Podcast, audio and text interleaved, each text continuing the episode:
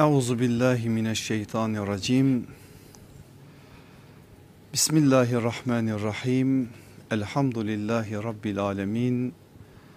Ves salatu vesselamu ala rasulina Muhammedin ve ala alihi ve ashabihi ve etbaihi ecmaîn. Kıymetli kardeşlerim bugünkü dersle birlikte 22 ders süren bir yolculuğu inşallah hitama erdireceğiz. Öteki hayat dedik Allah Resulü aleyhissalatü vesselamın ve aziz Kur'an'ımızın refakatinde ahirete iman meselesinin önemli alanlarına ait tabloları, konuları bir miktar olsun anlamaya çalıştık. Elbette ki bu 22 derste benim özetlemeye çalıştığım kadar bu mesele kısa bir mesele değil. Derslerde de hatırlayacağınız üzere Kur'an'ın çokça sıklıkla ve tekrarla üzerinde durduğu bir konu.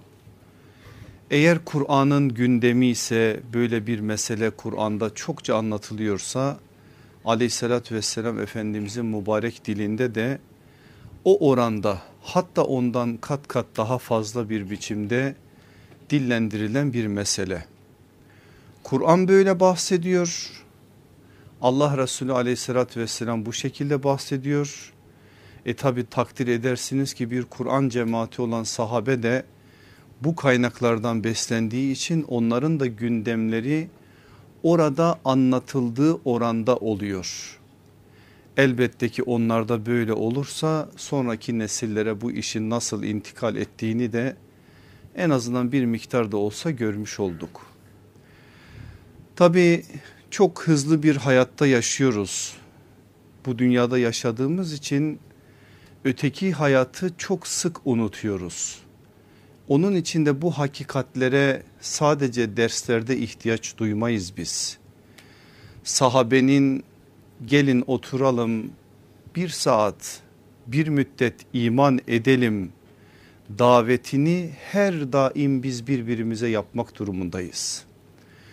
Bazen o kadar çok iyi bildiğimiz, o kadar çok iyi fark ettiğimiz, o kadar içine dahil olduğumuz ya bu kadar basit bir bilgiyi nasıl bilmez bu dediğimiz meselelerde bile tökezliyoruz, unutuyoruz aslında çok il bildiğimiz meselelerde çok büyük hatalar yapıyoruz. Bilmem farkında mısınız? Keşke her meseleyi ilk gün öğreniyormuş gibi bir hassasiyetle öğrensek. Aslında ilim talibinin olmazsa olmaz vasfıdır bu.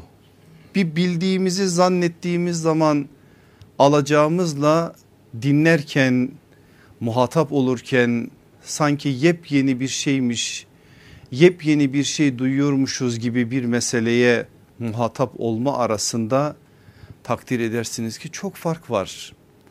Onun için birbirimize bu manada hakkı ve sabrı tavsiye etmenin bir sorumluluğu olarak Allah'a iman meselesini, kitaplara iman meselesini, meleklere iman meselesini, ahiret gününe iman meselesini, kadere iman meselesini çok sıklıkla gündem etmek durumundayız, zorundayız. Bu meselelerin hakikatine varma adına kendimizi zorlamak zorundayız ve bu işi sadece bir derste olmuş bitmiş bir ders olarak anlamama zorundayız. Bu bir derttir, imanımızın bize yüklediği bir derttir. Sonuna kadar da ahirete ait olan meseleler en öncelikli gündemimiz olmalıdır ve öylece devam etmelidir. Benim duam şu ne kadar hakkını verdim bilemiyorum ben hep veremediğim konusunda bir kanaatim var. Bunu da sizden işte estağfurullah demeniz için ya da ben bunu size söyletmem için de söylemiyorum. Allah da şahit şu kürsünün gerçek manada sahibi olduğu an bir dakika bu kardeşiniz burada kalmayacak. Adamsızlıktan bize kaldığı için ben bir şeyler söylemeye çalışıyorum. Ama söylediğim her sözü evvel emirde ben nefsime söylüyorum. İkinci halkada benimle yol arkadaşı olan yol arkadaşlarıma söylüyorum. Üçüncü halkada da bu meclise muhatap olan bütün kardeşlerime söylüyorum. Onun için kendimden de beklediklerim var. Yol arkadaşlarımdan da beklediklerim var. Bu meclise muhatap olan tüm kardeşlerimden de beklediklerim var. Haklı olarak bu beklentiye girdiğimi zannediyorum. Eğer haklı değilsem de Allah beni ıslah etsin diyerek kendime de dua eder size de o duadan amin diye bir icabet beklerim. İnşallah hepimiz öğrendiğimiz hakikatleri ona buna elbise olarak biçmekten vazgeçer ki bu çağın hastalığıdır biliyorsunuz bu. Hemen üzerimize alırız. Ben bu hakikatin neresindeyim? Gerçekten ne kadar bu hakikatle aramda münasebet var? Söylenen bu sözlerin ne kadarı benim üzerimde hayat buluyor? Ben buradan öğrendiğim hakikatleri ne kadar kendimde ızdırap haline getirdim? Üzerinde ter döktüm, üzerinde tefekkür ettim, düşündüm. Bu manada nasıl bir bedel ödedim noktasında bir muhasebeye bizi sevk eder. İnşallah o muhasebe de akıbetimizin şenlenmesi adına, akıbetimizin hayır olması adına bir hayra dönüşür. Hep duam o, temennim de o. Allah bizi bundan ayırmasın diye de bir daha dua ediyorum. Bugün öteki hayatı kazanmanın büyük bir fırsatı Ramazan diyeceğiz. Vakit Ramazana yaslandığı için hem şimdiye kadar öğrendiklerimizin aslında bir yönüyle fiili anlamda bir karşılığını bulacağımız rahmet mevsiminin de bize verecekleriyle birlikte kendimizi o rahmet mevsimine hazırlanma adına böyle bir serlevha altında yürümeye çalışacağız beraberce. Geçen ders hatırlarsanız Selman-ı Farisi radıyallahu anhunun bize naklettiği Allah Resulü'nün hutbesinden bir cümleyi verdim size. O hutbe çok güzel geçen derste söylemiştim. Gerçekten Ramazan nasıl bir aydır? O ay nasıl idrak edilmelidir? Neler alınmalıdır? Nelere dikkat edilmelidir konusu uzunca bir bahis. Biz de bir miktarını şimdi anlatacağız ama sözü zayi etmeyen cevamiul kelim olan sallallahu aleyhi ve sellem Efendimiz bu hutbede zaten söyleyeceğini söylemiş. Belki biz saatlerce söyleyeceğimiz sözleri o bir hutbede en güzel bir biçimde özetlemiş ve bize takdim etmiş. İstiyorum ki o hutbenin tamamını sizlerle paylaşayım. Paylaşayım ki Ramazan dediğimiz bu güzel ve mübarek ayın bizim dünyamıza katması gereken değerin ne olduğunun biraz daha iyi farkına varalım. Aleyhissalatü vesselam Efendimiz yine şöyle Şaban'ın Ramazan'a yaslandığı bir zaman diliminde Selman-ı Farisi'nin nakliyle diyor ki bize şöyle bir hutbe irad etti. Ey Müslümanlar büyük ve mübarek bir ayın gölgesi üzerinize düştü. Bu içinde bin aydan daha hayırlı olan Kadir gecesinin bulunduğu bir aydır. Bu ay Allahu Teala'nın gündüzlerinde orucu farz, gecelerinde teravih namazını nafile olarak meşru kıldığı mübarek bir aydır. Konuşan aleyhissalatü vesselam efendimizdir ve Ramazan'ı anlatıyor hazırlıyor o güzel nesli. Bu ayda kim bir hayır işlerse başka zamanlarda bir farzı yerine getiren kimse gibi sevap kazanır. Bir farzı eda eden de başka aylarda 70 farzı yerine getiren gibi sevap kazanır. Bu ay sabır ayıdır. Sabrın karşılığı da cennettir. Bu ay ihsan ve yardımlaşma ayıdır. Bu ay müminin rızkının bereketlendiği bir aydır. Kim bir oruçluyu iftar ettirirse bu onun günahlarının bağışlanmasına ve cehennemden kurtulmasına vesile olur. Dikkat buyurun çok önemli bir şey söyleyecek sallallahu aleyhi ve sellem Efendimiz. İftar ettirdiği Müslümanın aldığı sevaptan bir şey eksilmeksizin onun kazandığı kadar da ayrıca sevap kazanır. Sofranızı 20 kişiyle paylaştınız. 20 kişinin oruçtan elde ettiği sevabın aynısını Allah size de yazıyor. Ve onlardan hiçbir şey de eksilmiyor. Müjdeyi veren haberi veren hiçbir sözünde hilaf olmayan sallallahu aleyhi ve sellem efendimizdir. Tabi burada sahabe bir soru soruyor. Hayran hayran dinliyorlar buraya kadar olan kısmı. Diyorlar ki ya Resulallah içimizde öyleleri vardı ki başkasına iftar ettirecek kadar mala malik değil. Sofrasını birisiyle paylaşabilecek kadar sofrasında bir şeyler yok ki böyle bir insan bu tarz bir sevaptan mahrum mu kalacak? Allah Resulü aleyhissalatü vesselam soruya cevap verip sözünü de devam ettiriyor. Allahu Teala bu sevabı bir oruçluyu bir hurma veya bir yudum su ya da bir içim süt ile iftar ettirene de verir.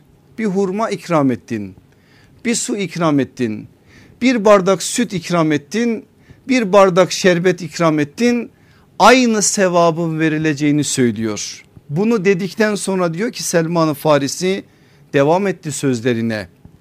Bu ay evveli rahmet, ortası mağfiret, sonu cehennemden kurtuluş olan bir aydır. Allah bu ayı bu şekliyle idrak edebilmeyi bizlere nasip eylesin. Dikkat buyurun yine önemli bir şey söyleyecek. Hepsi önemli ama benim özellikle dikkat çekmek istediğim için söylüyorum bunu. Kim bu ayda emri altındakilerin yükünü hafifletirse Allah onu bağışlar ve cehennemden azat eder. Bir daha söylüyorum bu sözü. Kim bu ayda emri altındakilerin yükünü hafifletirse Allah onu bağışlar ve cehennemden azat eder. İşverenlere sesleniyor. Hocalara sesleniyor. İfade uysun diye diyeyim biraz argu ama olsun kocalara sesleniyor. Burada elinin altında kim varsa babalara sesleniyor onlara sesleniyor ve ne diyor? Ramazanda vereceğiniz bir ikram elinizin altındaki insanlara bazı sorumlulukları hafifletmek olsun. Çünkü bu ay özel bir ay ya bu ayda başka şeyler var ya buna dikkat edilsin diyor. Bu ayda dört şeyi çok yapınız. Bunların ikisi ile Rabbinizi hoşnut edersiniz. İkisinden de zaten uzak kalamazsınız. Rabbinizi hoşnut edecek iki işiniz la ilahe illallah diyerek Allah'ın birliğine şehadet etmeniz ve bol bol bağışlanma dilemenizdir. Geldi mi Ramazan'ın evradı? Neymiş Ramazan'ın evradı? La ilahe illallah estağfirullah. La ilahe illallah estağfirullah. Allah Resulü sallallahu aleyhi ve sellem söylüyor dilimizden düşürmeyeceğimiz evradımızı virtlerimizi peygamber sallallahu aleyhi ve sellem bize emanet ediyor. Uzak kalamayacağınız öteki iki şeye gelince onlar da Allah'tan cenneti isteyip cehennemden kurtulmayı dilemenizdir. Öteki hayatın kazanmanın büyük bir fırsatının nasıl Ramazan olduğuna dair peygamberi beyan da burada ortaya çıkmış oldu. Kim bir oruçluyu doyuracak olursa Allah onu beni benim havzumdan sulayacak. O da cennete girinceye kadar bir daha susuzluk çekmeyecektir. Müjdeyi veren Efendimiz'dir. Ramazanın faziletini anlatan Efendimiz'dir. Bu aydan neler alınması gerektiği konusunda bize ipuçları veren sallallahu aleyhi ve sellem Efendimiz'dir. O halde akıllı bir mümin böyle bir fırsatı nasıl kaçırır Allah aşkına? Böyle bir ilahi fırsattan nasıl bir gane kalabilir? Allah'ın kendisine açtığı bu ilahi krediyi bu ilahi rahmet alanını nasıl vurdum duymaz bir halde geçirebilir? Bir insan nasıl Ramazana varınca kalbi duracakmış gibi bir heyecanı hissetmez? Nasıl olur da bugünden başlayarak hatta öncesi de var da hadi biz öncesinde bir şey söylememiş olsak bile şu andan itibaren nasıl olur da Ramazan'ı büyük bir sevgiliyi karşılar gibi karşılamaz da ona hazırlıklı bir biçimde girişmez de o aydan mahrum bir biçimde çıkar gider. Allah bizi o fırsatı kaçıranlardan etmesin. Fırsat güzel bir kelime benim aziz kardeşlerim burası için. Anında ortaya çıkar. Eğer iyi değerlendirirseniz istifade edersiniz. Değerlenmezseniz kaybolur gider. Fırsat öyle bir şeydir ki bir anda sizinle o baş başa kalırsınız. O anda o zamana ve o zemine uygun davranırsanız kazananlardan olursunuz. Eğer davranmazsanız o imkanı kaçıranlardan olursunuz. Ben bununla bu derse hazırlanırken bu başlık altında şöyle bir şey geldi aklıma. Dedim ki yakın çevremden geçen Ramazan'dan bu Ramazan'a kadar Rahman'a yolcu ettiğimiz dostları bir hatırlayayım. Akrabalarımızı, dostlarımızı, hukukum, hukukumuz olanları. 50'ye yakın isim tespit ettim ben ki birçoğunun cenazesine katılmışım ki sayı daha fazla. Belki biraz daha derinlemesine bir şey yapsaydım sayı çok daha fazla olacaktı ki aynısını sizler de yaşıyorsunuz. Geçen Ramazan olup da bu Ramazan aramızda olmayan bir sürü insan var. 5-6 gün kalmış şu anda o güzel günlere kim o güne varacak kim varmayacak onu da hiçbirimiz bilmiyoruz. Bir sonraki Ramazana erişip erişmeyeceğimize ait de hiçbirimizin garantisi yok. Belki birileri bir sene sonraki Ramazan'da bu sözleri bizim arkamızdan söyleyecek. Peki şimdi Allah bizi bu fırsatla karşı karşıya koymuşsa böyle önemli bir imkanı böyle bir ilahi rahmeti başı rahmet olan ortası mağfiret olan sonu azat olan cehennemden kurtuluş olan bir aya bizi kavuşturmuşsa o aydan mahrum olmak o aya gerekli hürmeti göstermemek, hoş gelen Ramazan'ı boş bir biçimde karşılamak, hele onu hoş etmeden yolcu etmek, hele ondan sonraki hayatta da hoş olmayacak bir hayatın sahibi olarak bu işi tamamlamak aklı başında olan bir insanın bir Müslümanın yapabileceği bir şey midir? Allah bizi o bedbahlardan etmesin. Kaçırırsak fırsatı telafisi olur mu olmaz mı onu Allah bilir.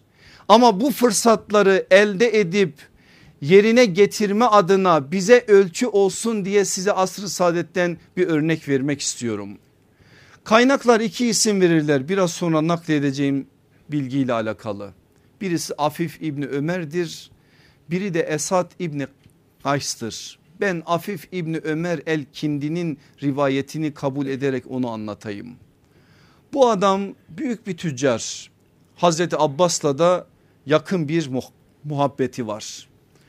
Bir gün daha nübüvvetin ilk günlerinde Hazreti Abbas'la beraber Kabe'nin avlusunda otururlarken üç kişi dikkatini çekiyor. Orta yaşlı birisi arkasından bir hanım onun arkasından bir çocuk. Bakıyor hiç görmediği şahit olmadığı şekliyle bu üç kişinin gelip Kabe'nin önünde durup ibadet ettiklerine şahit oluyor. Hemen yanındaki Abbas'a soruyor. Tanıyor musun diyor bunları. Tanıyorum diyor Hazreti Abbas. Öndeki diyor benim yeğenim Muhammed sallallahu aleyhi ve sellem. Arkasındaki Hatice diyor onun hanımı. Onun arkasındaki çocuksa benim diğer kardeşim olan Ebu Talib'in oğlu. Peki ne yapıyorlar bunlar diyor. Bunlar şu anda burada ibadet ediyorlar. Yeğenim Muhammed kendisine nübüvvet geldiğini peygamberlik geldiğini iddia ediyor. O peygamberliğin ona öğrettiği namazı da namaz dedikleri salat dedikleri o ibadeti de burada yapıyorlar. Bakıyor böyle bir şey söylemiyor ve sahnenin o tablosu orada kapanıyor. Aradan tam 21 yıl geçiyor. 21 yıl sonra Mekke'nin fethedildiği edildiği gün Afif İbni Ömer Allah Resulü'nün huzurundadır ve iman edecektir. İman ettiği zaman çekilip bir kenara ağlamaya başlayacaktır. Tabi sallallahu aleyhi ve sellem durumu bilmediği için şaşıracak afif diyecek. İman en büyük mutluluk sen şu anda sevineceğin yerde saadeti en üst düzeyde yaşayacağın yerde niye bu gözyaşları bir bilsen ya Resulallah bir bilsen ben ne kaçırdım ben çok büyük bir fırsat kaçırdım. Allah Resulü sallallahu aleyhi ve sellem merakla soracak afif diyecek neyi kaçırdın nasıl büyük bir fırsat kaçırdın ben Ebu Bekir olma fırsatını kaçırdım ya Resulallah. O gün sen Hatice ve Ali'ydi gelip burada ibadet ettiniz namaz kıldınız. Ben de amcan Abbas'tan bunun bilgilerini aldım ama ben o gün nefsimi ikna edemedim. Eğer ben o gün senin arkana takılsaydım bugün Ebu Bekir'in yerinde ben olacaktım. Bugün o fırsatı Allah bana tattıracağı için o manada ben başka bir yerde olacaktım ama ben kaçırdım diyor. Evet kaçırmıştı Ebu Bekir olmayı radıyallahu an ama sahabe olmayı kaçırmamıştı. Bazıları sahabe olmayı da kaçırmıştı. Evi Resulullah'ın evinin yanında olmasına rağmen her gün Allah Resulü'nü görmüş olmasına rağmen Allah Resulü ile nesep noktasında akrabalık noktasında bağı olmasına rağmen fırsatı kaçıranlar vardı. Belki biz bugünün dünyasında böyle bir şeyi yapamıyoruz. O, o şeyi de tadamayacağız. Ama yine Allah'ın bize açtığı alanları ne yazık ki elimizden kaçırdığımız yeri ve zamanı geldiğinde aslında hasbice tavır gösterip ben varım ben yaparım ben ederim diyerek ortaya atılmamız gereken nice işler varken yapamadığımız için kaçırdığımız nice fırsatlar var.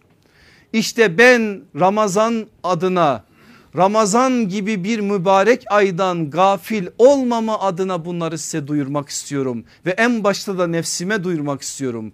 Madem böyle bir fırsat var Allah bu fırsatı bize takdim ediyor.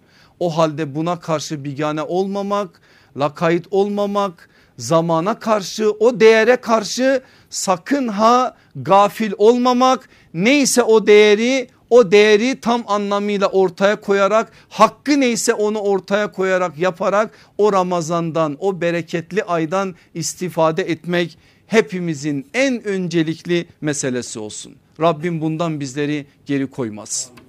Peki benim aziz kardeşlerim 11 ayın sultanı olan bu güzel ay bu bereketli ay nasıl bir ay? Hepiniz biliyorsunuz ama bazen bilinenleri tekrarlamakta fayda var. Kur'an'dan ve hadislerden bir tanesi de siyerden olmak üzere ben size 10 tane tanım vereyim hızlı bir biçimde ama asıl anlatacaklarım bunlar değil daha yeni yeni mevzuya doğru gidiyoruz.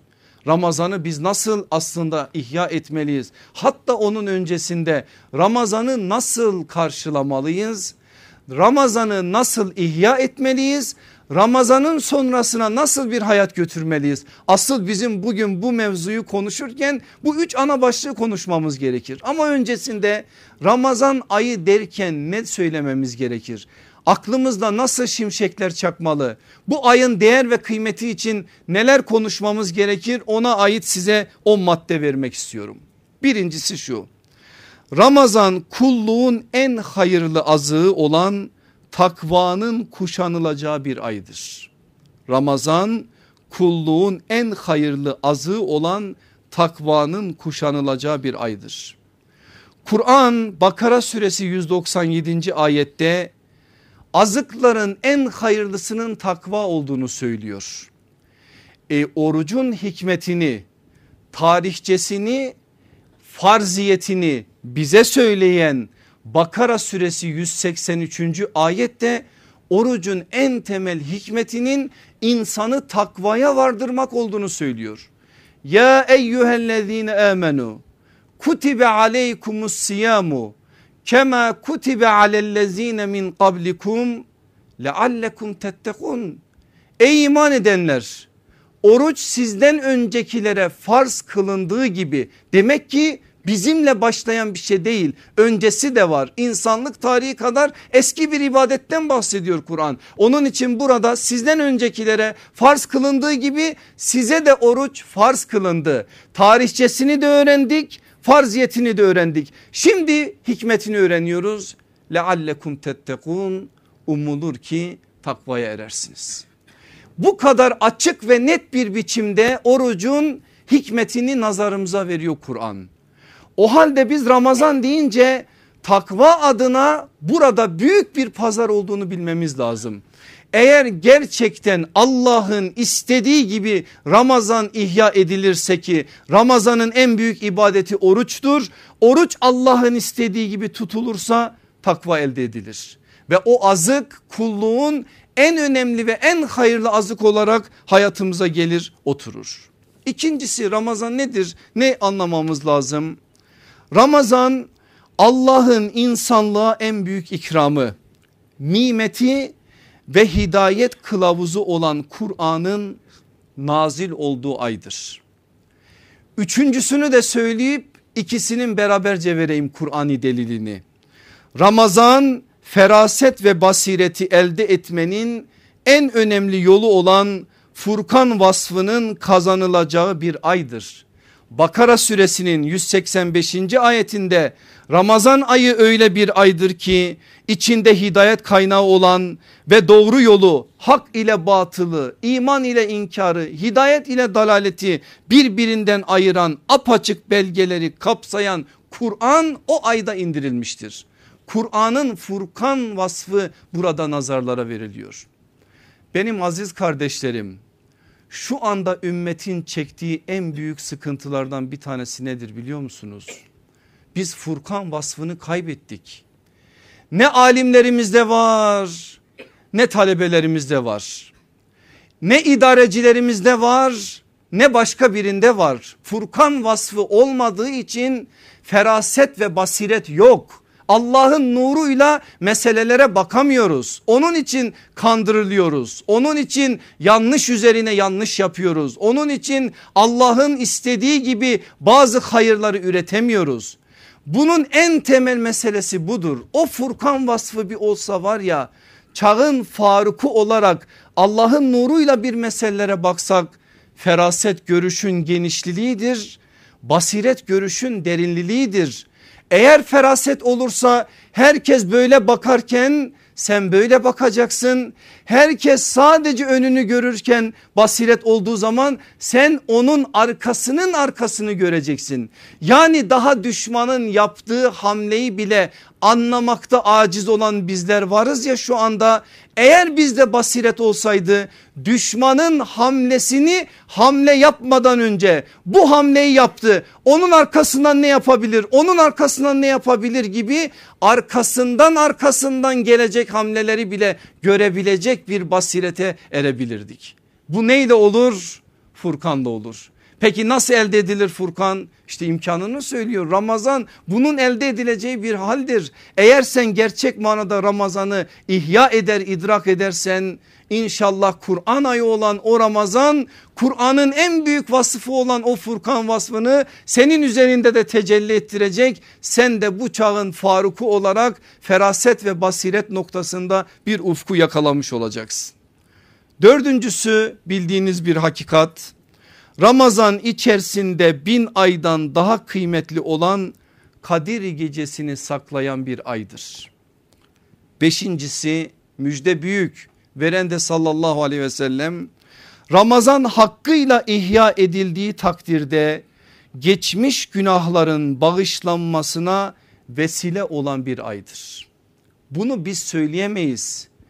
Bir şeyin değerini fazlalaştırma adına ona değer yükleyemeyiz, ithal edemeyiz böyle bir hakkımız yok. Ancak bunu Resulullah sallallahu aleyhi ve sellem söyler. Söylüyor mu aynen böyle? Aynen böyle söylüyor.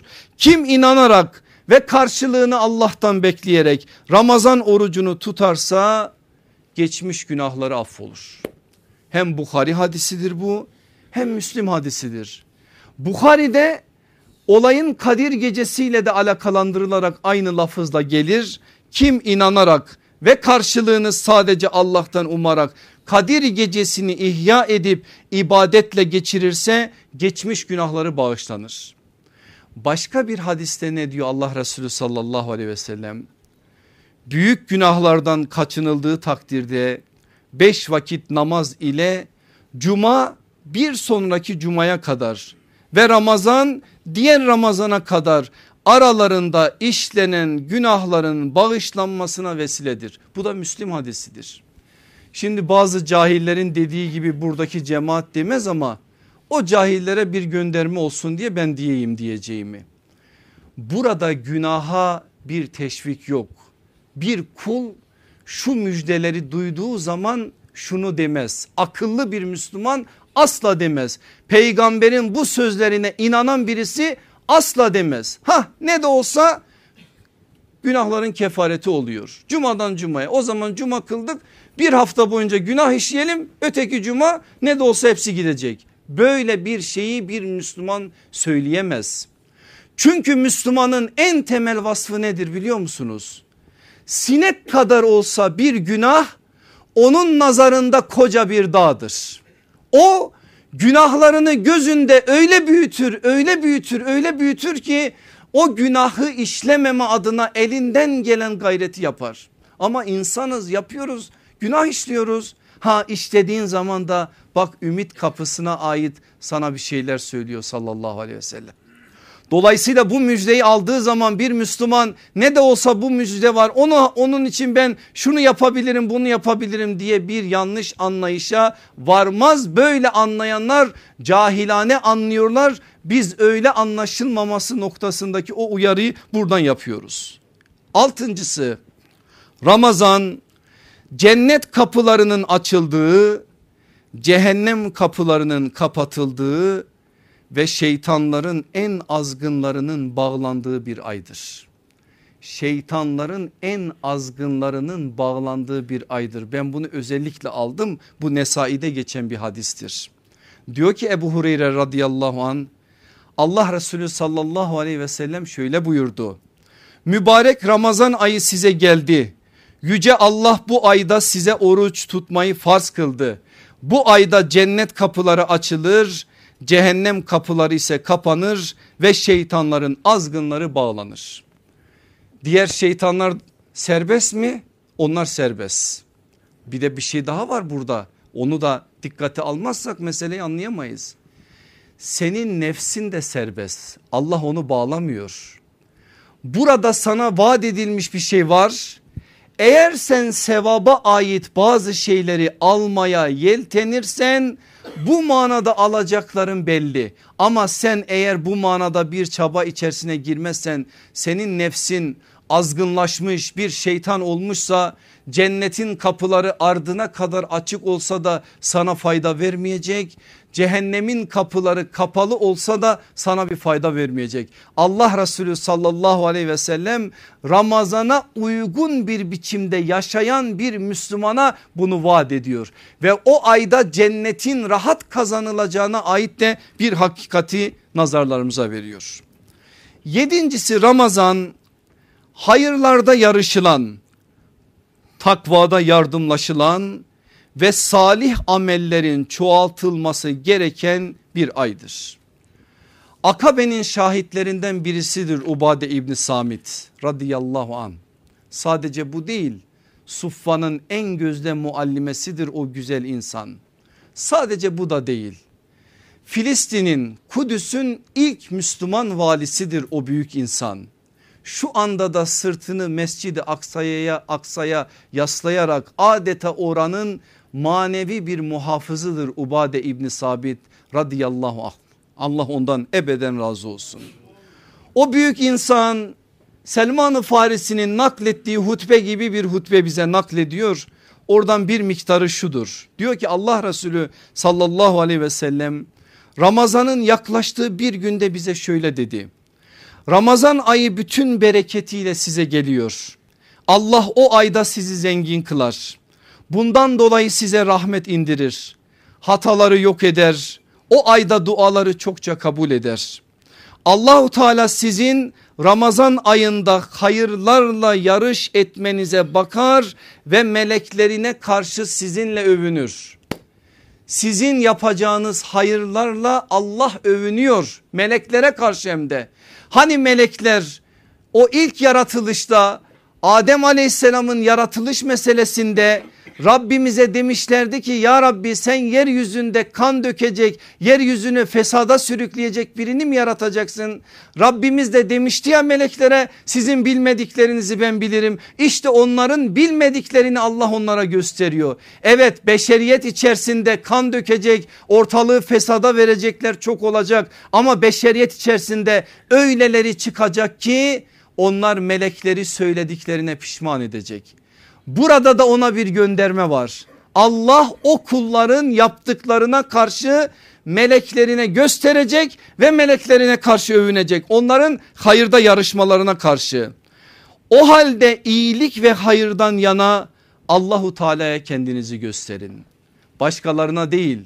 Yarışın derken yaptığınız her, her hayrı insanlara duyurmayın. Riyakarlık yapmayın bunu doğru anlayın, anlayın ki meseleyi başka yerlere doğru sevk etmeyin. Allah'a gösterin yaptıklarınızı. Hayırda yarışın ama bu yarışmanızı reklam aracına dönüştürmeyin. Aslında burada Allah'a hasredilerek söylenmesi o. Bu reklam aracına dönüştürülme meselesi için çok benim söyleyecek sözüm var ama sizin anladığınızı umarak girmiyorum oralara. Ama bu konuda ciddi bir sıkıntımız var. O sıkıntıya da buradan bir gönderme var. Ramazan ayında Allah'ın rahmetinden kendisini mahrum eden bedbaht kimselerden olmayın. Allah bizi onlardan etmesin. Bu söylediğim hutbe de Heysemi'nin Mecmauz Zevaidinde geçen bir hutbedir. Sekizinci maddeyi ben size siyerden vereceğim dikkat edin. Ramazan rehavet, uyku, eğlence ve reklamların arttırılacağı bir mevsim değil. Mücadelenin, davetin ve cihadın fazlalaştırılacağı bir aydır. Tekrar etmek istiyorum. Ramazan, rehavet, uyku, eğlence ve reklamların arttırılacağı bir mevsim değil. Mücadelenin, davetin ve cihadın fazlalaştırılacağı bir aydır. Eğer bir Müslüman Siyer-i Nebi'den hicretin ikinci yılında Allah Resulü'nün arkasında 313 kişinin bir Ramazan ayında Bedre yürüdüğünü biliyorsa bu bilgiye vakıfsaki değil olmayana ben o bilgiyi verdim. Ramazan'ı başka şeylere mahkum etmeye asla gönlü razı olmaması gerekir. Eğer bir Müslüman Siyer-i Nebi'nin içerisinden hicretin 8. yılında insanlık tarihinin en kansız fethinin Mekke fethinin gerçekleştiğini o tarihte gerçekleştiğini biliyorsa Ramazan'da onun olduğunu biliyorsa bir Müslüman asla Ramazan'ı uykuya mahkum etmez. Eğlenceye mahkum etmez. Şova dönüştürmez. Başka başka şeylere tenezzül etmez. O bu işin cihatla olacağını bilir. Ramazan cihadın merkezi olabilecek bir aydır. Ramazanda cihat olur, davet olur, mücadele olur. Ramazanda yatma olur mu? Kim dedi size Ramazanda yatarak uyku, uykuyla bu işin olacağını? Evet ben yaz Ramazanlarının zor olduğunu biliyorum. Ama bir insan biraz sonra nasıl ihya edileceğine ait bir şeyler söyleyeceğiz hayatını disipline ederek bu manada bazı şeyleri hayatına davet edebilir. Oruç tutuyoruz, tutuyoruz diye hayattan kopma adına bir şey yoktur bizde. Oruç tutuyoruz diye asli mükellefiyetlerimizi ortadan kaldıracak bir şeyimiz yok bizim. Hele hele ümmet bu haldeyken her tarafta sıkıntı varken ümmetin bu manada gözyaşları imtihanları bu kadar ağırlaşmışken bir Müslümanın bu manada hele hele Ramazan gibi bir ayı uykuya eğlenceye mahkum etmesi mecbur etmesi Allah'ın çok da hoşlanacağı bir şey değildir. Ben buradan bu işi farklı bir açıdan yapmaya çalışan belediyelere, sivil toplum kuruluşlarına, cemaatlere, vakıflara da birkaç cümle söylemek istiyorum.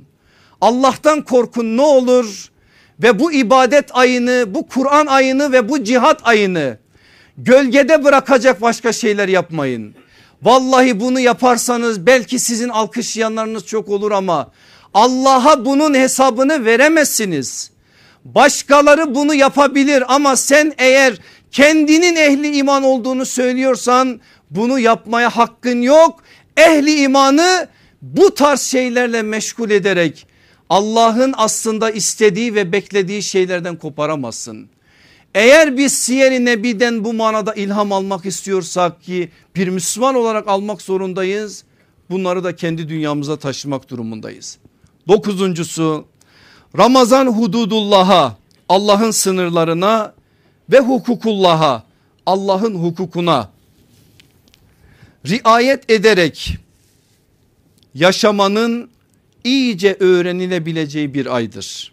Ramazan hududullah'a Allah'ın sınırlarına ve hukukullah'a Allah'ın hukukuna riayet ederek yaşamanın iyice öğrenilebileceği bir aydır. Hududullah'a ve hukukullah'a riayet ederek yaşamak iffettir. Biz iffet kelimesini belli alanlara sadece sıkıştırıyoruz. Öyle değil iffet geniş bir kavramdır. Ve bunu en iyi öğreneceğimiz aylardan birisidir Ramazan. En iyi öğrenebileceğimiz zemindir Ramazan. Öyle dersek daha doğru olacak. Sonuncusunu da söyleyeyim. Ramazan mahşerin en önemli mükafatı olan arşın gölgesinde gölgelenmenin Allah'ım sen bizlere nasip eyle. Öteki hayatı kazanmanın Allah'ım sen onu da bizlere nasip eyle. Ve cennete özel bir kapıdan girmenin elde edilebileceği bir aydır. Ne dedi sallallahu aleyhi ve sellem? Oruçlunun gireceği bir cennet kapısından bahsetti. Reyyan kapısı o kapıdır. Bu kapı oruçlunun kapısıdır dedi. Orucu Allah'ın istediği gibi tutan insanlar o kapıdan çağrılacak. Bu nasıl bir mükafattır? Bir oruçla insan nasıl bu kadar büyük bir seviye kazanabilir? Varın siz bu ibadetin ve bu ibadetin içinde olduğu Ramazan ayının değer ve kıymetini buradan anlayın. Neden bugünkü dersimizin başlığı öteki hayatı kazanmanın büyük bir fırsatı Ramazan? İşte bundan dolayı son madde bile zaten bunu bize veriyor ki Allah kazananlardan eylesin. Aziz kardeşlerim hızlı hızlı geçeceğim ama temel şeyleri size vermek istiyorum. Ramazan'a nasıl hazırlanalım?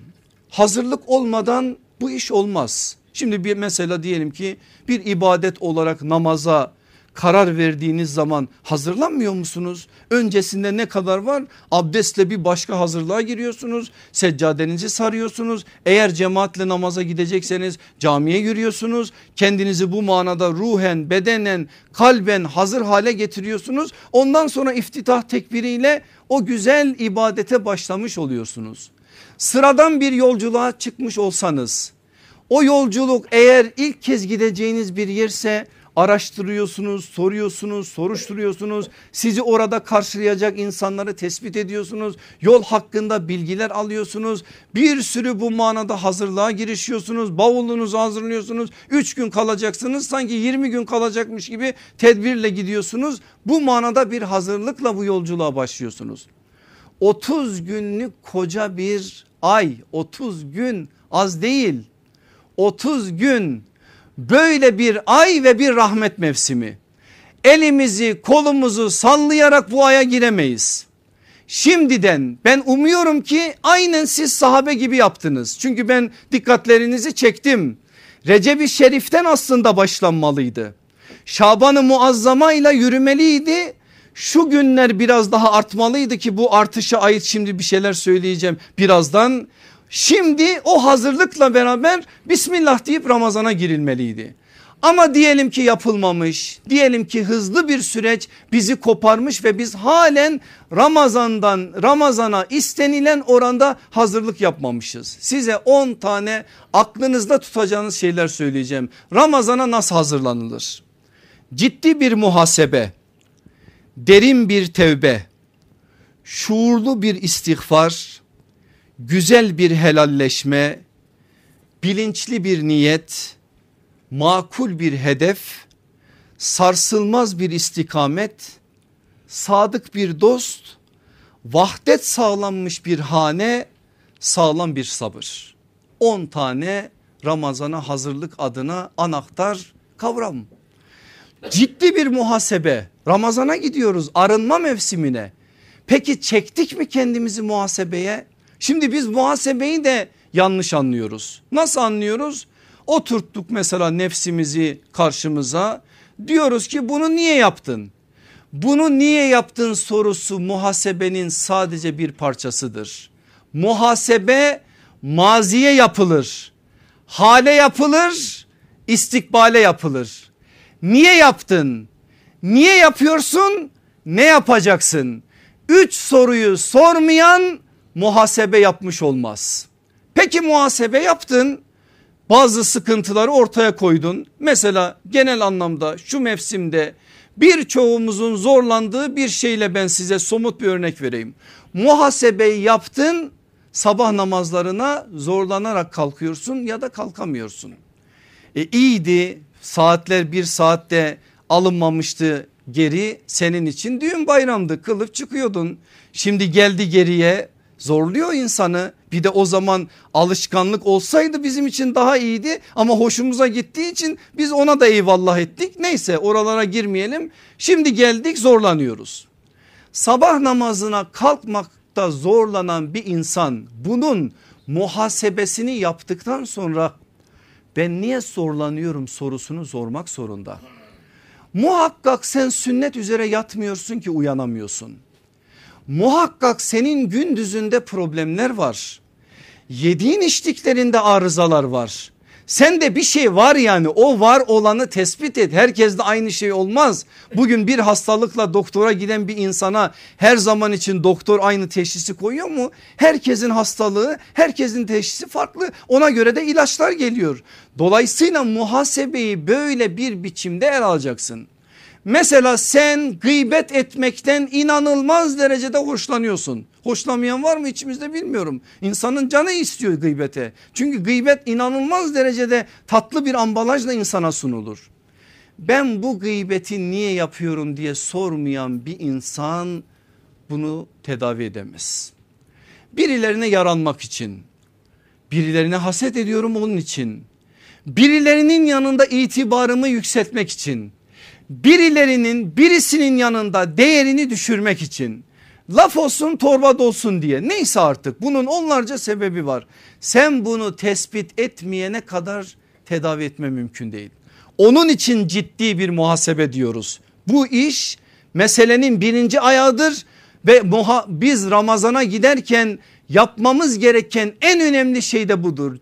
Ciddi bir muhasebe. İkincisi derin bir tevbe. Yaptı muhasebeyi ortaya çıktı. Tevbe nedir? Fiili olarak o günahtan yüz çevirmektir. Tevbe istiğfar demek değildir. İstiğfar sadece kavli tevbedir. Tevbe ise fiili istiğfardır. Sen sözlü bir biçimde günahlarından pişmanlık duyarsan bunun adı istiğfar. Ama o günahtan sevaba yönelirsen bunun adı tevbe. Ve bu olmazsa olmuyor zaten. Dolayısıyla ciddi bir muhasebenin arkasından olması gereken derin bir tevbe. Üçüncüsü şuurlu bir istiğfar. Allah Resulü istiğfarı estağfirullah kelimesini bize Ramazan'ın evradı olarak emanet etti ya öyle alışkanlık yaparak değil gerçekten günahını ortaya koyarak birer birer birer birer onun üzerinde durarak. Bakın dördüncüsü güzel bir helalleşme haklarına girdiklerimiz var. Onlarla helalleşmeden Ramazana girilmez benim aziz kardeşlerim. Ne olur bunun muhasebesini yaptığınız zaman nefsinizi ayaklar altına almayı bilin. Eğer bu manada bunu yapmazsanız inanın Ramazan'ın bereketinden istifade edemezsiniz. Şimdi size bir Siirtli fıkrası anlatayım biraz da sizi rahatlatayım.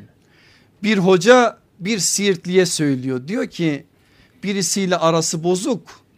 Sen diyor Musa ol o firavun olsun kalk git onun ayağına bak böyle yaparsan sevap kazanırsın. Hoşuna gidiyor tamam diyor. Gidecek güya helallik alacak adamın karşısına gidince ey firavun Musa geldi deyip kendisini takdim ediyor. Öyle bir helalleşme değil bu başka bir helalleşme incitmesine rağmen sen biliyorsun aslında aslında yüzde yüzde sen haksız değilsin. Ama buna rağmen helalleşme İşte budur güzel helalleşme. Ötekisini zaten söylemeye gerek yok onu zaten yapacaksın. Ama bir tarafta da böyle bir şey bunu da yapma adına bir gayret eğer bu olursa Ramazana o bereketle girmiş olursun. Bilinçli bir niyet niyet önemli o bilinçli olacak ama altıncısı makul bir hedef makul bir hedef niye makul olmazsa yapamazsın. Şimdi bizim talebelerimiz coşarlar Ramazan'da tatilde şunu yapacağım bunu yapacağım 50 tane kitap okuyacağım 40 tane cüz okuyacağım. Ramazanın öncesinde de böyle şeyler söylenir ama olmaz. Hele çalışan bir adam için zor. Okullar devam ediyor finaller var bir sürü iş var. Sen bu işlerin içerisinde Ramazan'ı ihya edeceksin. Dolayısıyla makul bir hedef belirleyeceksin öyle kendini zora sokacak bir hedef değil. Bak hedefi koymuş aslında sallallahu aleyhi ve sellem. En güzel hedefi ben sana söyleyeyim. Resulullah söylediği için ben sana söyleyeyim. Akşam teravihini kıldın cemaatle sabahını da kıldın cemaatle gecenin tamamını ihya etmiş oldun. Hiç kendine deme ben yüz vakit gece namazı kılacağım yapamazsın edemezsin boşu boşuna da yorulursun ve makul olanı da kaçırırsın.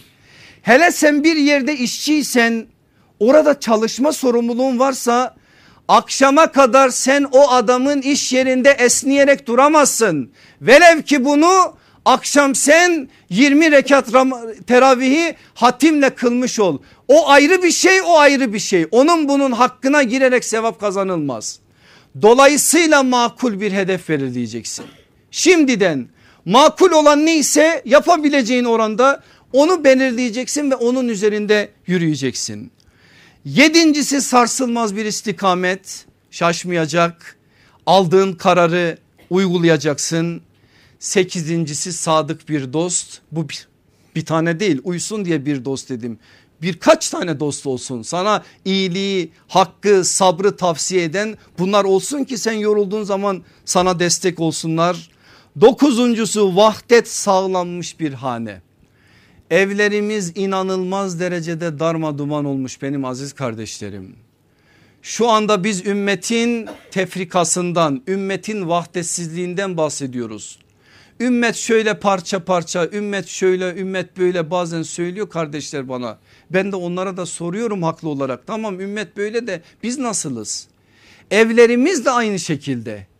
Evde beş tane adam varsa beş tane devlet gibi ve her devletin kendi sınırlarını ihlal etmiş şey adımlar gibi sıkıntılar var. Böyle olan bir evde vahdet olmadıktan sonra o bereketin olabilmesi mümkün mü? Ama Ramazan vahdet için bir zemindir bir imkandır. İnanın ki bir sofra vahdeti olsa bir seyahat vahdeti olsa bir suffa vahdeti olsa o evlerdeki vahdet sokaklara doğru da gelecek. Onuncusu da sağlam bir sabır. Sabır olmadan olmaz Allah Resulü Ramazan sabır ayıdır dediği. Peki benim aziz kardeşlerim neye sabredeceğiz? Sabırı göstereceğimiz yeri tespit etmezsek sabır da havada kalır. İbadetlerin külfetine, günahların cazibesine, imtihanların zorluğuna, eziyetlerin ağırlığına, hayırların istikrarına. Beş şeye sabredeceğiz ki o sabır gerçekten bizim üzerimizde tecelli olmuş olsun. Peki bunlar hazırlık süreci. Vakit de geçiyor. Benim de sesim bitti ama işimiz var. Düşe kalka da olsa bunu bitireceğiz bugün. Ramazan'ı nasıl ihya edelim sorusunu sorduğumuz zaman cevap belli. Nasıl? Sahabe gibi. Peki nasıl sahabe ihya etti? Ben size bir şekil göstererek bir örnek vermek istiyorum. Sahabenin hayatında Recep ayının başlarından itibaren şurada başlayan bir kulluk var. Bu kullukta namaz var, cihat var, Kur'an var, Allah yolunda mücadele var, emri bil maruf var, nehy anil münker var. Aklınıza gelen birçok ibadet var, birçok hayır var. Ama Recep-i Şerif girince sahabe var olan şu zemini başlatıyor buradan. Recep-i Şerif'le birlikte şöyle bir seviye kazanıyor. Şaban-ı Muazzam'a gelince seviye yükseliyor buraya geliyor. Nısfı Şaban olunca yani Şaban'ın 15'i Şaban'ın 15'inden sonra biraz daha seviye kazanıyor. Ramazana girince ilk 10 günle birlikte yükselen bir seviye var. İkinci 10 günde biraz daha yükseliyor son 10 günde zirvedir. Peki Ramazan bitti ne olacak? Recep'te başladığı noktada mı götürecek işi? Hayır şuraya getiriyor. Bilmem anlatabildim mi? Belki size dakikalarca anlatacağım şeyi ancak böyle özetleyebilirdim. Ramazan böyle bir seviye kazandırıyor onlara ama Ramazan bitince başladıkları yerde değiller. Recep'te şurada başlamışsa şurada devam ediyor. Bir dahaki Ramazana kadar da bunu koruma adına bir gayret var. Öyle olunca ara ara yükselen ara ara alçalan bir şey var ama Ramazan'da böyle bir hal var. Peki bizde nasıl bir şey var? İşte bir test yapalım. İlk gün gidin bir camiye mesela teravih kılmaya of o biçim dolu. İkinci gün üçüncü gün yavaş yavaş yavaş yavaş dökülür. Bir sadece 27. gecesinde o gün kesin ya Kadir gecesi herkes camidedir zaten bir o gün vardır. Böyle bir şey yok. Sen başta başlarken hızlı başladın. Birçok şeyi yapacağını zannettin makul değildi hedef ama ne oldu? Yükselteceğin yerde alçaltmaya başladın. Alçalttıkça da aslında Ramazan'dan asıl elde edeceğin şeyden mahrum kaldın. Sahabenin Ramazanında bu yok. İşte biraz önce size şeklettiğim şekliyle var ki inşallah Rabbim bizlere onu nasip eylesin. Yine Ramazan'ı nasıl ihya edelim noktasında da ben hızlıdan size birkaç mesaj vermek istiyorum. Birincisi nedir biliyor musunuz? Dışarıdan içeriye dönerek. Ramazan'ı nasıl ihya edeceğiz? Dışarıdan içeriye dönerek. İçliğimiz bitmiş bizim. İster bunu itiraf edin ister etmeyin. Taşlaşmış kalplerimiz var şu anda. Şu beton çağı bizi de betonlaştırmış. Allah'ın ayetleri okunuyor kalplerimiz ürpermiyor. Bu kadar sıkıntı görüyoruz gözlerimiz yaşarmıyor. Bitmişiz bu manada. Çünkü her şeyimiz dışarıya hep reklam üzerine hep reklam üzerine. Böyle olduğu için de riyakarlık hayatımızı kaplamış bizim. Zaten riyakar bir çağda yaşıyoruz o riyakarlık bizi de kaplamış.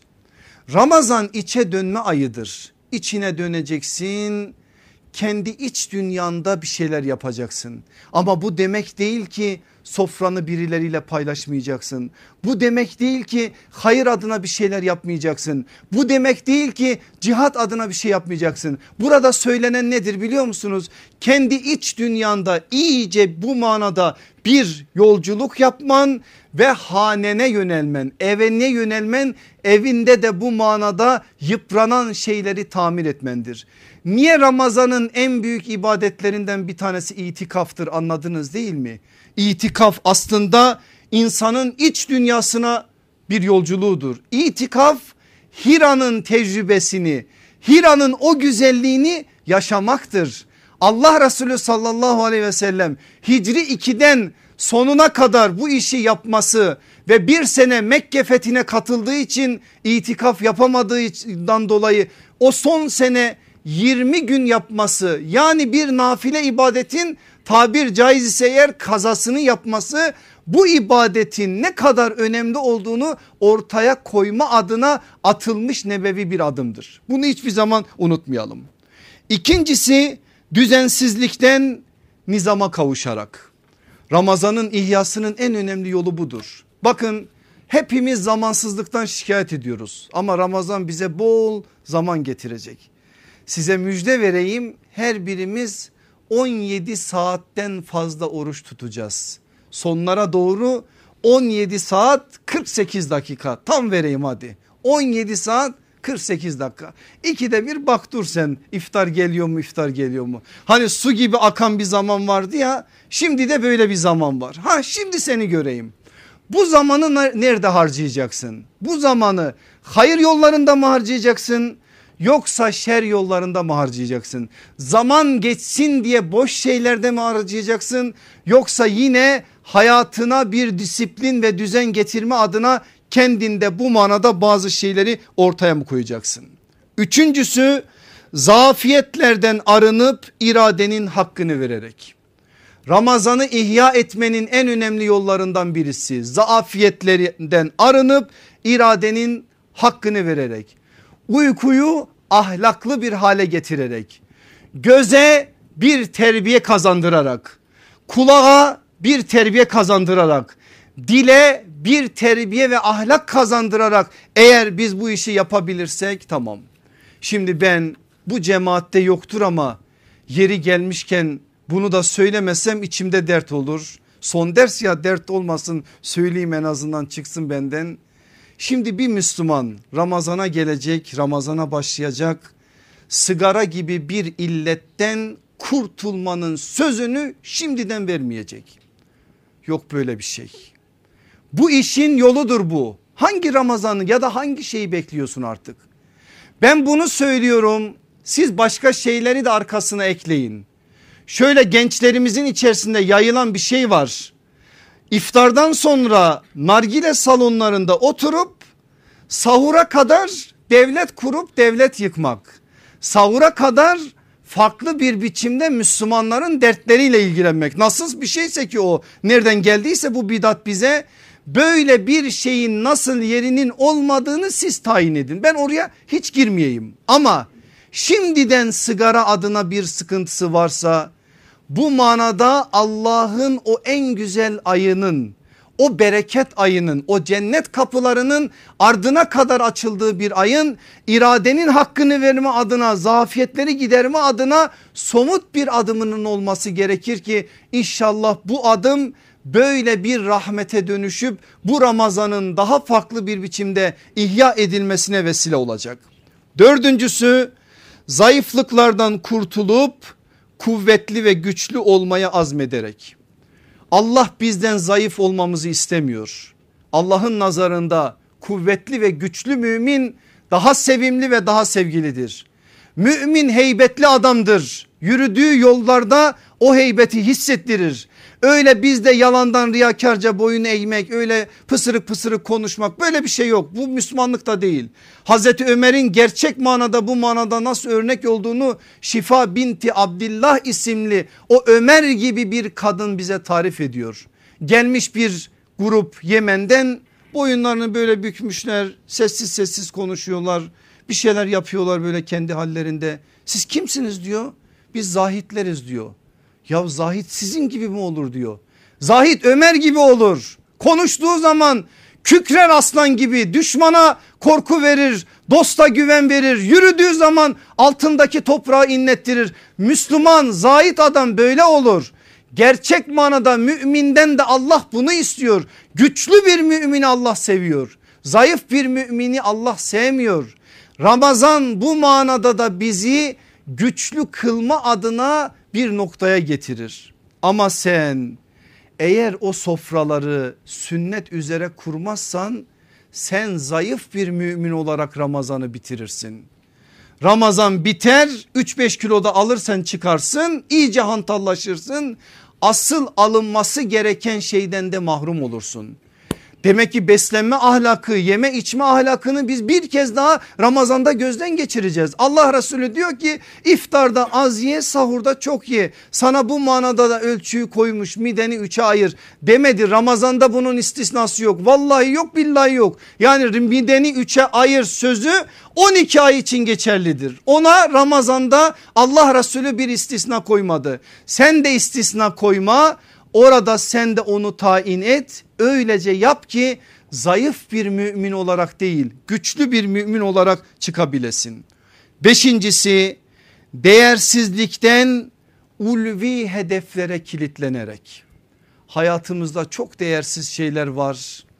Olmaması gereken yerde duruyorlar ama Ramazan onu ulvileştirir eğer gerçek manada bunu yapabilirsek.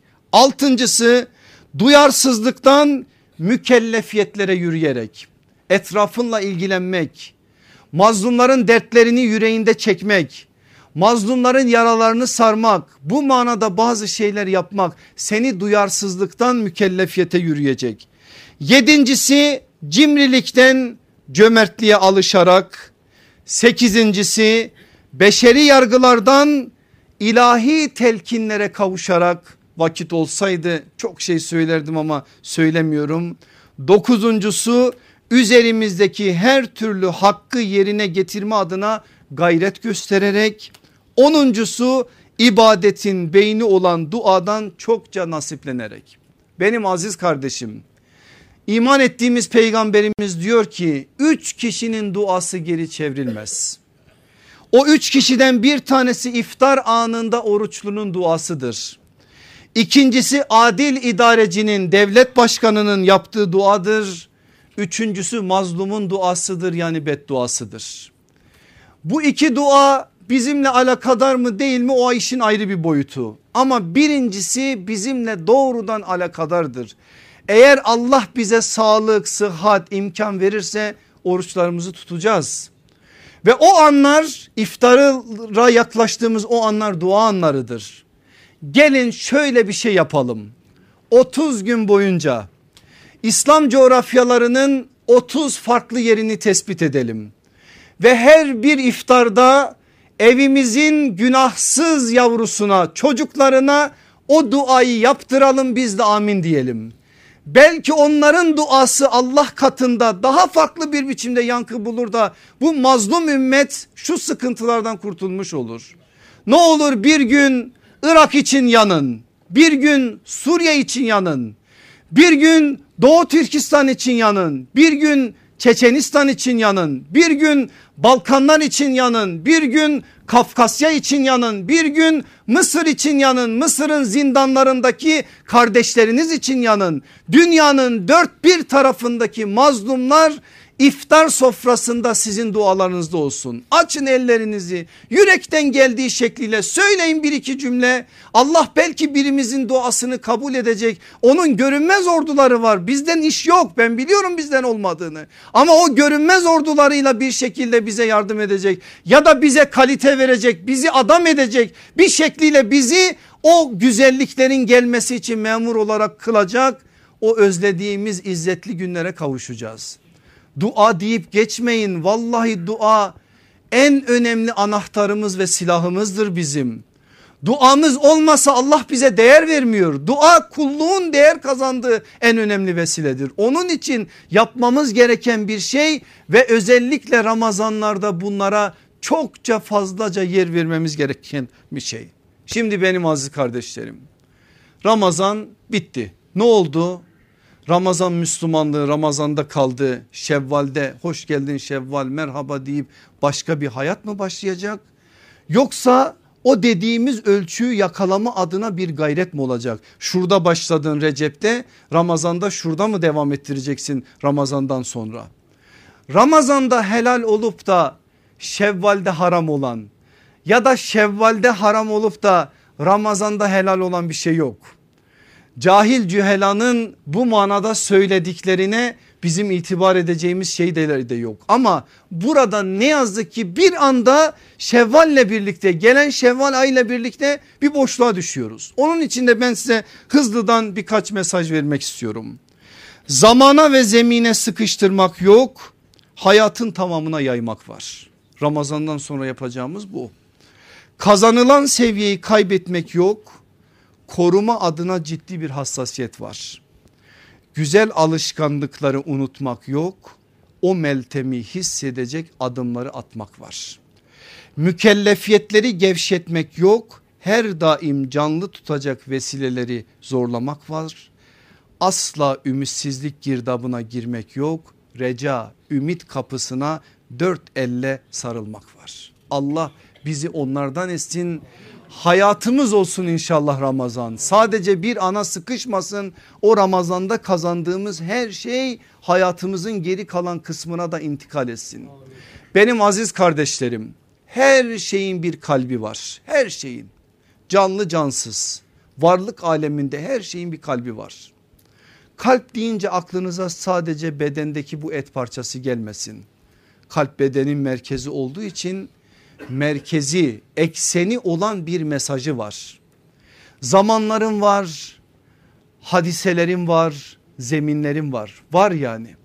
Mesela namazın bir kalbi var haccın kalbi var cihadın kalbi var davetin kalbi var ilmin kalbi var dostluğun kalbi var senenin kalbi var Ramazan'ın kalbi var orucun kalbi var. Namazın kalbi secdedir.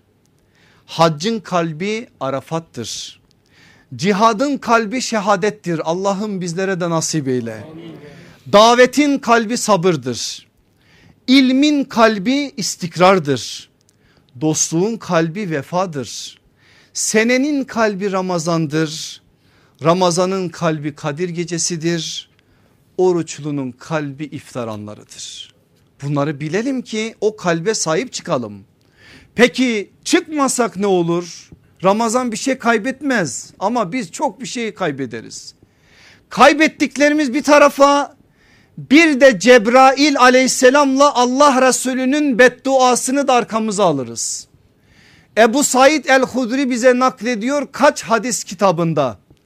Allah Resulü minberine insanlara hutbe irad etmek için çıkacak. O günlerde minber üç basamaklı. Birinci basamağa çıkıyor amin diyor. İkinci basamağa çıkıyor amin diyor. Üçüncü basamağa çıkıyor amin diyor. Sonra söyleyeceğini söylüyor aşağıya iniyor. Hemen sahabe meraklı tabi soruyorlar ya Resulallah o üç amin neydi? Allah Resulü söylüyor. Ben diyor minbere çıktığım zaman Cebrail de benimle beraberdi. İlk basamakta benim yanımda dedi ki anne ve babası ikisi birden ya da ikisinden birisi bir adamın yanında yaşlanır da bunlar bakıma muhtaç duruma düşer de o adam onlara gerekli olan hürmeti ihsanı göstermez sevap kazanacağı bu büyük şeyden mahrum olur. Böyle yapan adamın Allah burnunu yere sürtsün ben de amin dedim diyor. İkinci basamağa çıktığım zaman Cebrail dedi ki bir mecliste senin adın anılır. Senin adına istenilen oranda ihtiram göstermez. Yani salat ve selam getirmez bir adam. O adamın da burnunu Allah yere sürtsün dedi. Ben de amin dedim. Üçüncüsünde de geldi dedi ki bir adam Ramazana erişir. O Ramazanı hakkıyla ihya etmez. Ramazandan gafil kalır. Öyle adamın da Allah burnunu yere sürtsün dedi. Ben de amin dedim. O aminlere girmemeyi Allah bizlere nasip eylesin. Hakkıyla idrak edebilmeyi, ihya edebilmeyi, gerçek manada bu manada Ramazan'ın gönlünü hoş edebilmeyi, onu da kendimizden hoş etmiş bir biçimde yolcu edebilmeyi Allah bizlere kolaylaştırsın. Benim aziz kardeşlerim sözün sonuna geldik. Elhamdülillah Allah nefes verdi şu ana kadar getirdik. Binlerce kez hamdolsun. Eğer o vermeseydi bu imkanı inanın ki gelemezdik. Sağlık vermeseydi olmazdı. Başka maniler çıkarsaydı olmazdı. Siz de olmasaydınız olmazdı. Onun için bunların hepsi nimet elhamdülillah. Allah bu nimetlerin hakkıyla idrak edebilmeyi, şükrünü eda edebilmeyi bizlere kolaylaştırsın. Önümüz Ramazan ve yaz. Her zaman yaptığımı yine yapacağım. Bilenler bilir biz Ramazan'da ikişer hatim okuyoruz. Bu hatimleri okurken de genelde 16. gecesi ki 17. 16. günün 17. gecesi Bedir gecesi ve 27. gecesi Kadir gecesi diye ihya etmeye çalışıyoruz sizlerle beraber. Şimdiye kadar kaç sene oldu bilmiyorum ama Suriye'deki bu hadiseler olduğu günden beridir ben Suriye'deki hadiseler Bedir yaşansın diye hep Bedir gecesindeki hatimleri o kardeşlerimize hediye edelim diye size emanet ediyordum. Demek ki doğru dürüst dua edemiyoruz. Sorumluluklarımızı da yerine getiremiyoruz ki halen Suriye Bedir yaşayamadı. Orası Bedir yaşayamadığı gibi başka dertlerimiz de çıktı.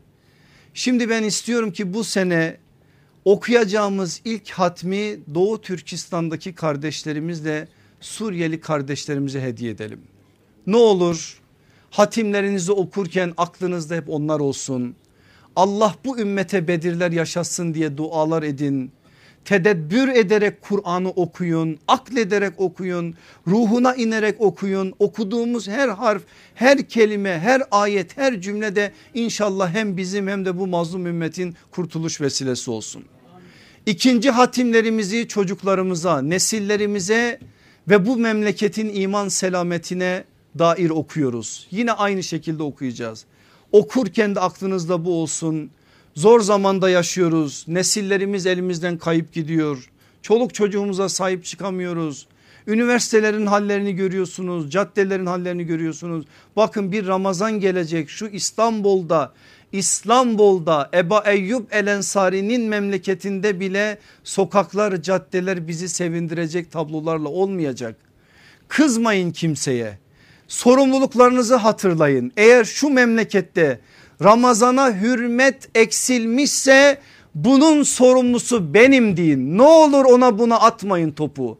Sorumlusu benim deyin. Ben anlatamadım bu insanlara. Allah'ın dinini anlatamadım. Kur'an'ı anlatamadım. Namazı anlatamadım.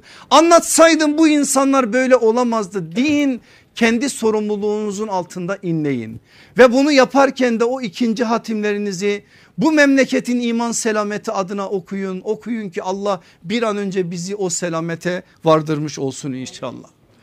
Ramazandan sonraki ay Temmuz, Ağustos, Eylül koca üç tane aydır. Şeytanın bayıldığı iki sermayedir boş zaman ve yaz mevsimi. Onun için kendinizi boş bırakmayın. Hayırla meşgul edin kendinizi. Siz kendinizi hayırla meşgul etmezseniz şer gelip sizin hayatınızı kaplar. Şerre alan açmama adına hayra alanları siz çoğaltın inşallah. Onun için de ben bu üç ayda okuyacağınız size üç tane kitap önermek istiyorum. Birinci kitabımız sünnetin değeri ve bağlayıcılığı. Muhammed Taki Osmani'nin ince bir kitap ama sünnetle alakalı çok güzel izahlar var burada. Üzerinde durarak okuyacaksınız. Niye bu kitapları tavsiye ediyorum? Allah izin verirse seneye hadis yılı bizim için. Dolayısıyla hadis yılıyla alakalı bazı çalışmalar olacak. O çalışmalara bir zemin olsun diye böyle bir yazımızı bereketlendirelim inşallah.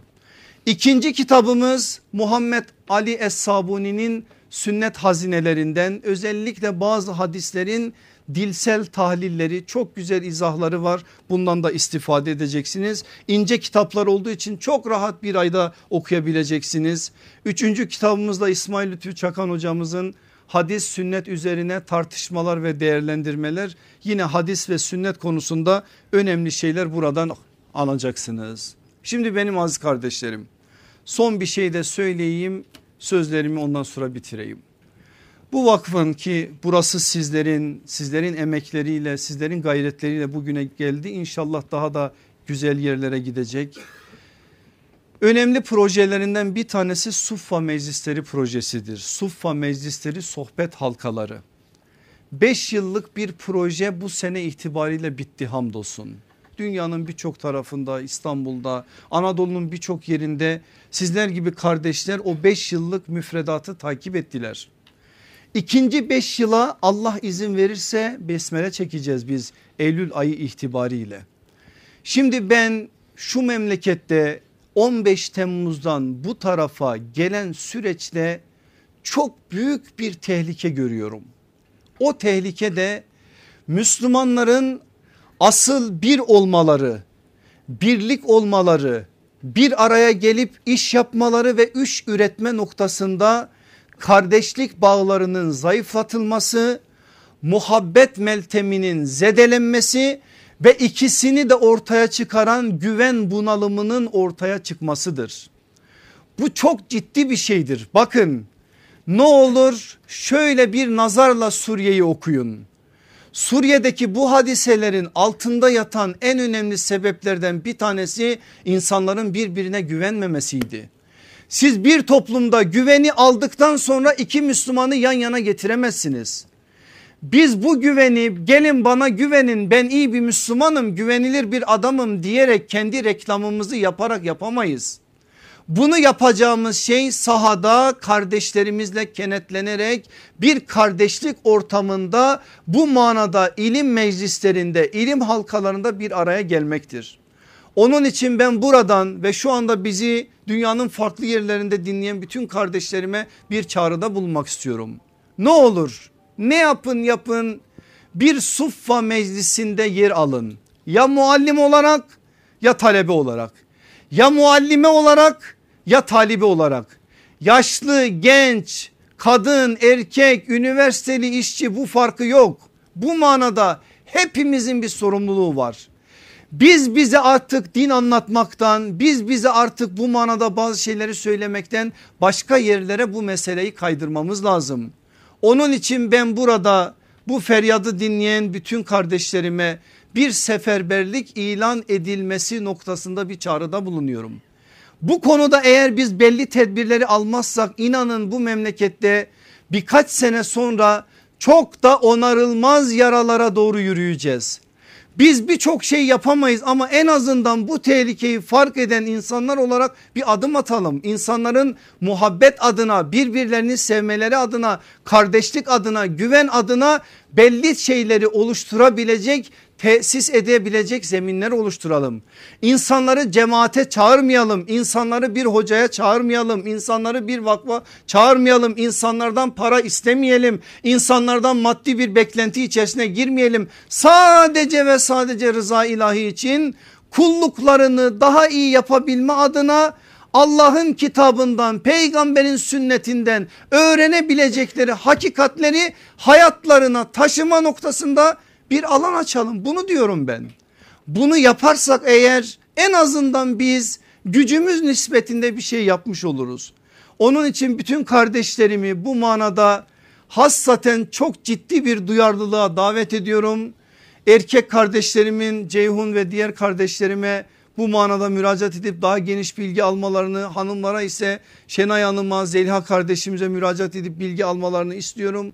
Artık bu konuda ne gerekiyorsa elimizden onu ortaya koyarak Rabbimizi memnun edecek o güzel ilim meclislerinden birini elde etme adına bir gayret içerisine girmeye davet ediyorum.